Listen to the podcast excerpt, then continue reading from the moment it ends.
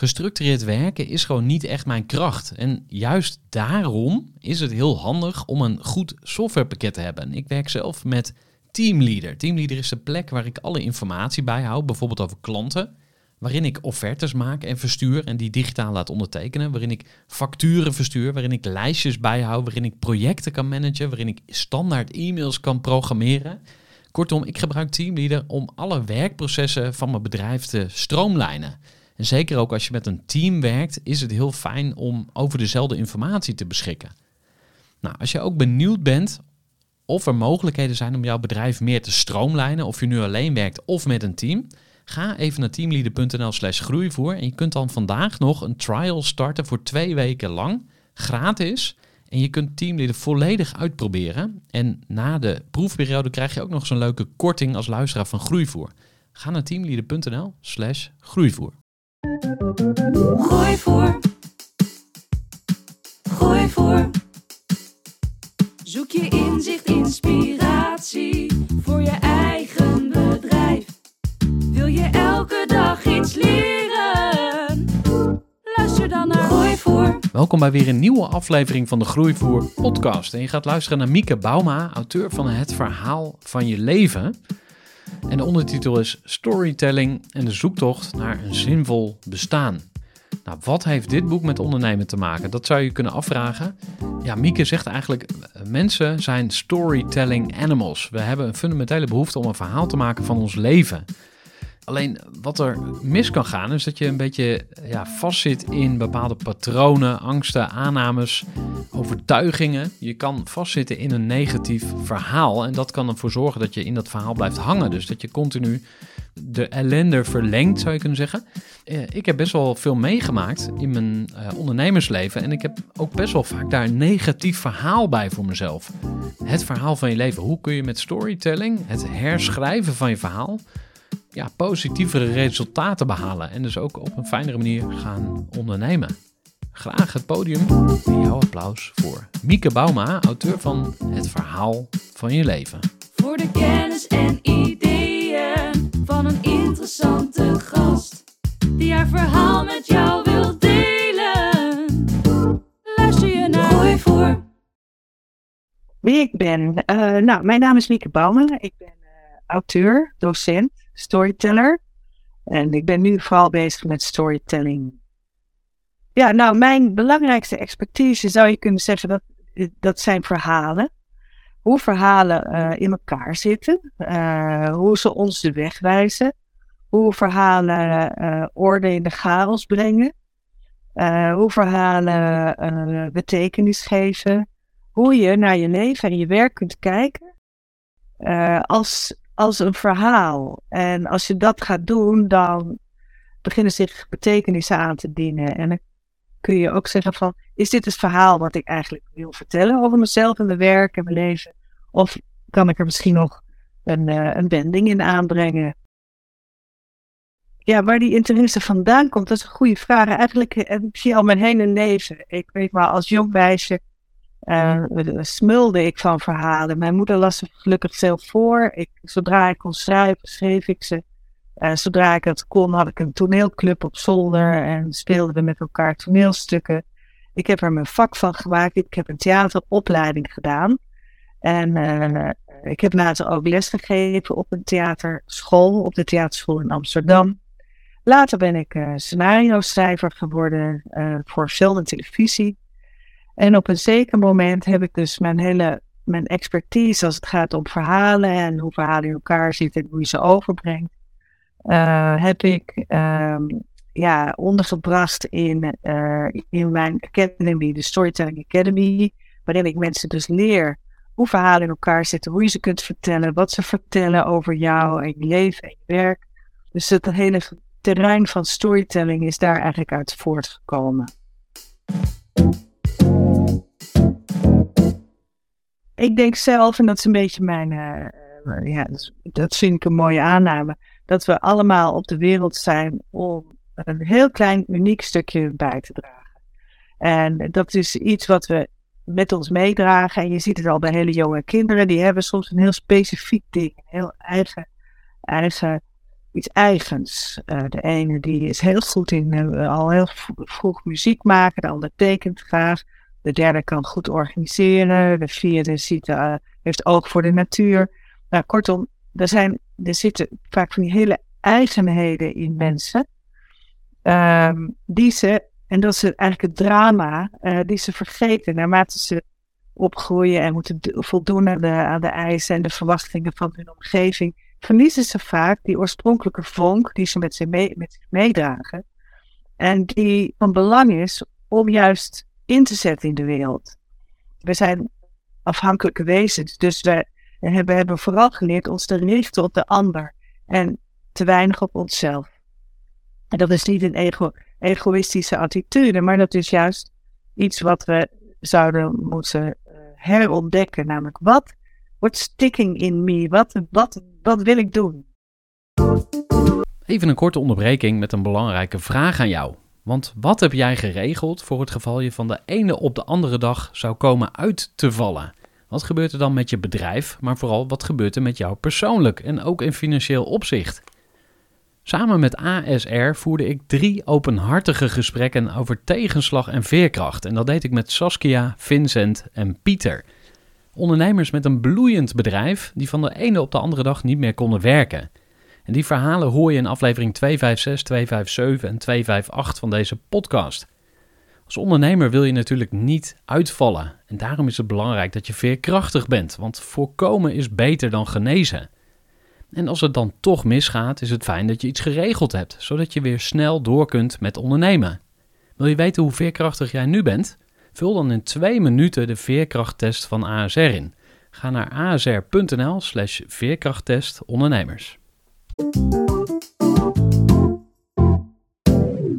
Ja, ik heb verschillende boeken geschreven. Ik heb een stuk of acht geschreven. Maar dit boek het heet Het Verhaal van je leven.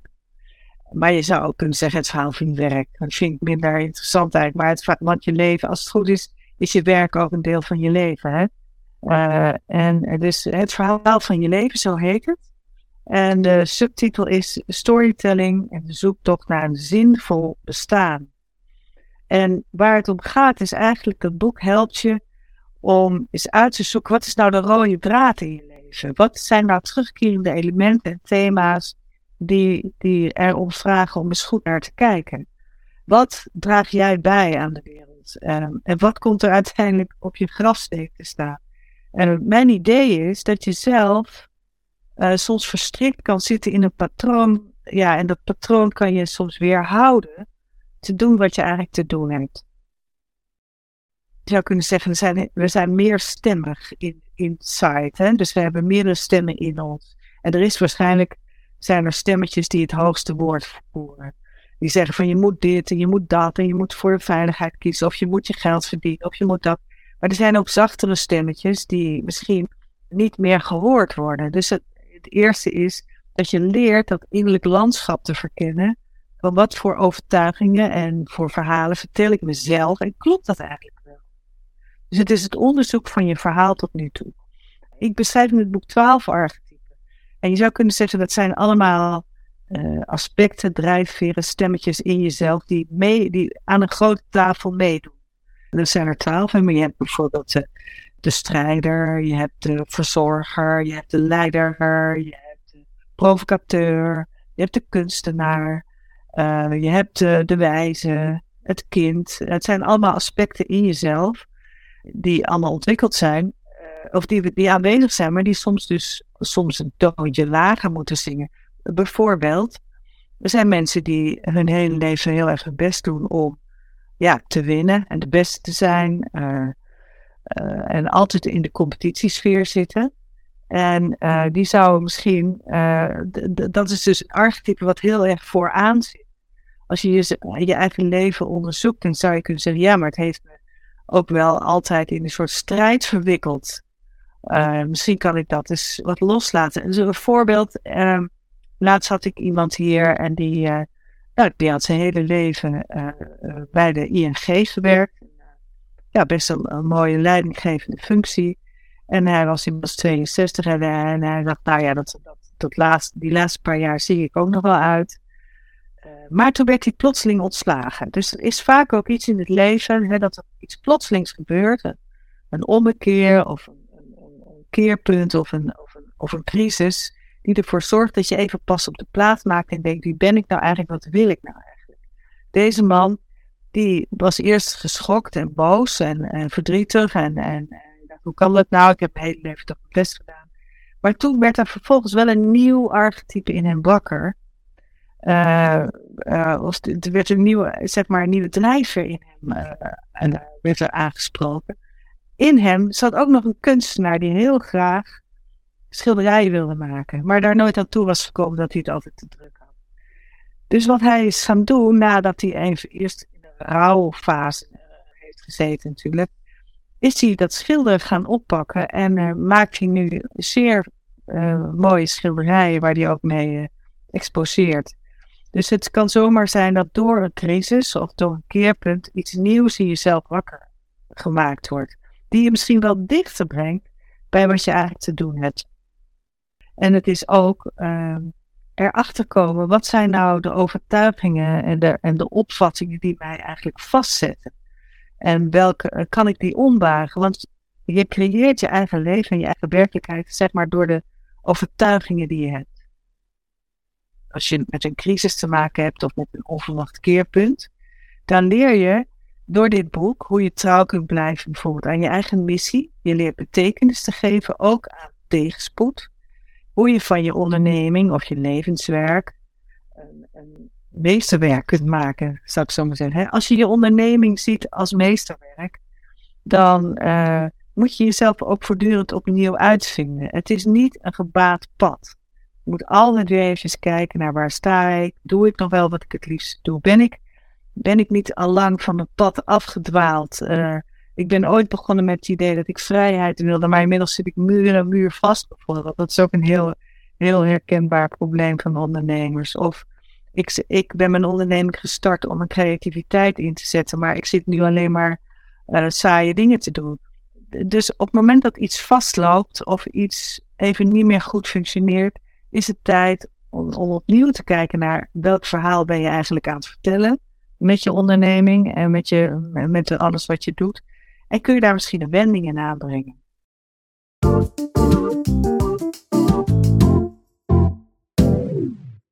Ik zie vooral op individueel niveau, als mensen met dit werk aan de slag gaan, dat ze, uh, dat ze zich realiseren dat dit van groot belang is om dicht bij jezelf te blijven en is in staat te zijn te reflecteren op jezelf, op de gebeurtenissen.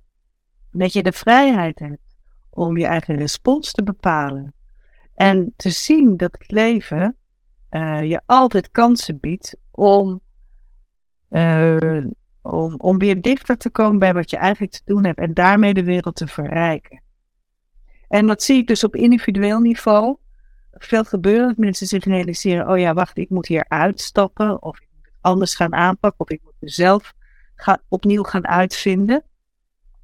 En dat heeft natuurlijk, als heel veel individuen dat doen, ook binnen een organisatie, ja, dan krijg je vanzelf een vitale organisatie. Het gaat altijd om vitaliteit en inspiratie. Als je met geïnspireerde mensen werkt, die zichzelf goed kennen, uh, en je bent bijvoorbeeld eh, stel dat je bent de baas van een, uh, van een onderneming en je hebt meerdere mensen in dienst, dan is denk ik voor zo'n uh, eigenaar of zo'n directeur of een baas heel belangrijk mensen de gelegenheid te geven om dit proces zelf ook door te maken. En te zeggen, waarom werk ik hier? Wat doe ik? Sommige mensen blijken dan ook niet meer, als je echt bezig gaat met een, met een reflectie op, doe ik wat ik het liefst doe? Zit ik op de juiste plek? Dan komt het er soms wel eens, komt het soms wel eens naar boven dat mensen eigenlijk al lang ergens anders naartoe hadden gebeeld of helemaal niet meer zo op hun plek zitten.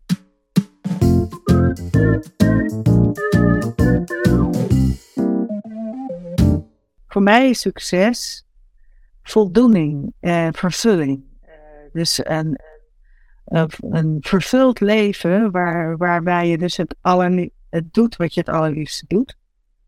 En, uh, en dat leidt vanzelf tot succes klinkt misschien een beetje uh, misschien optimistisch of, of misschien wel uh, utopisch. Maar ik denk, ik denk dat dat zo werkt. Ik zie dat in mijn omgeving ook. Als mensen zich permitteren die, zich die vraag te stellen. En ook te kijken van wat vertel ik nu eigenlijk met mijn, met alles wat ik doe. Wat is het verhaal wat ik daarmee uitdraag? Klopt dat met wat ik wil uitdragen of moet dat anders? En dat geldt dus inderdaad. Kijk, een organisatie of een bedrijf is een mens in het groot. Die heeft ook een missie en, een, en is op een, om een bepaalde reden op aarde. En je, je doet iets om, uh, om een uniek stukje uh, in de wereld te zetten. De ene is, kan goed brood bakken, wordt een bakker. En de ander die maakt uh, schoenen lappen. En de volgende heeft een bloemenwinkel. En weet je, iedereen heeft zo zijn eigen stukje. En daarin is het voortdurend, het is voortdurend werk aan de winkel door te zeggen van, zijn we nog geïnspireerd? Doen we wat we liefste doen? Zijn we niet van ons pad afgeraakt? En dat is vooral voor bedrijven, omdat er zoveel mensen meedoen in dat spel, heel erg van belang dat iedereen ook zich die vragen stelt voortdurend. Wat is het beste advies wat je tot slot zou willen meegeven? En dan citeer ik mijn leermeester uh, Joseph Campbell, uh, die, mij heeft, uh, die mij veel heeft geleerd over dit alles. En die heel veel boeken heeft geschreven. En die zegt: Follow your bliss. En follow your bliss betekent zoveel als volg je hart of volg, doe dat wat je het liefste doet en wat je het meeste voldoening geeft. Ook al denk je, ja, maar dat, dat is niet voor mij weggelegd, of daar verdien ik geen geld mee, of daar ben ik niet, uh, daar verlies ik mijn uiterlijke aanzien mee, of dat kan ik niet, of er zijn al zoveel boeken, of er zijn, weet je wel, al die bezwaren, al die innerlijke stemmetjes die daarin mee uh, spelen. Als je die aan de kant schuift en je er echt, nogmaals, die bliss volgt, dan denk ik dat we de wereld kunnen verrijken. Ik denk dat op dit moment grote problemen in de wereld en in de organisaties en vooral met overheden ook op dit moment heel erg te maken hebben met het feit dat ze het contact met de ziel, zal ik maar zeggen, verloren zijn. Met dat wat ons ten diepste uh, drijft en wat ons vitaal maakt. En uh, omdat we dat verloren zijn en op zijn gegaan in de wereld van de protocollen en de procedures, de projecten en de aanbestedingen en weet ik wat allemaal, is de ziel eruit. En als we leren terug te gaan naar wat drijft mij, wat, wat vervult mij, dan kunnen we op die manier allemaal een beetje bijdragen aan die wereld, aan een vitalere, gezondere, evenwichtiger, samenhorige en samenhorige wereld.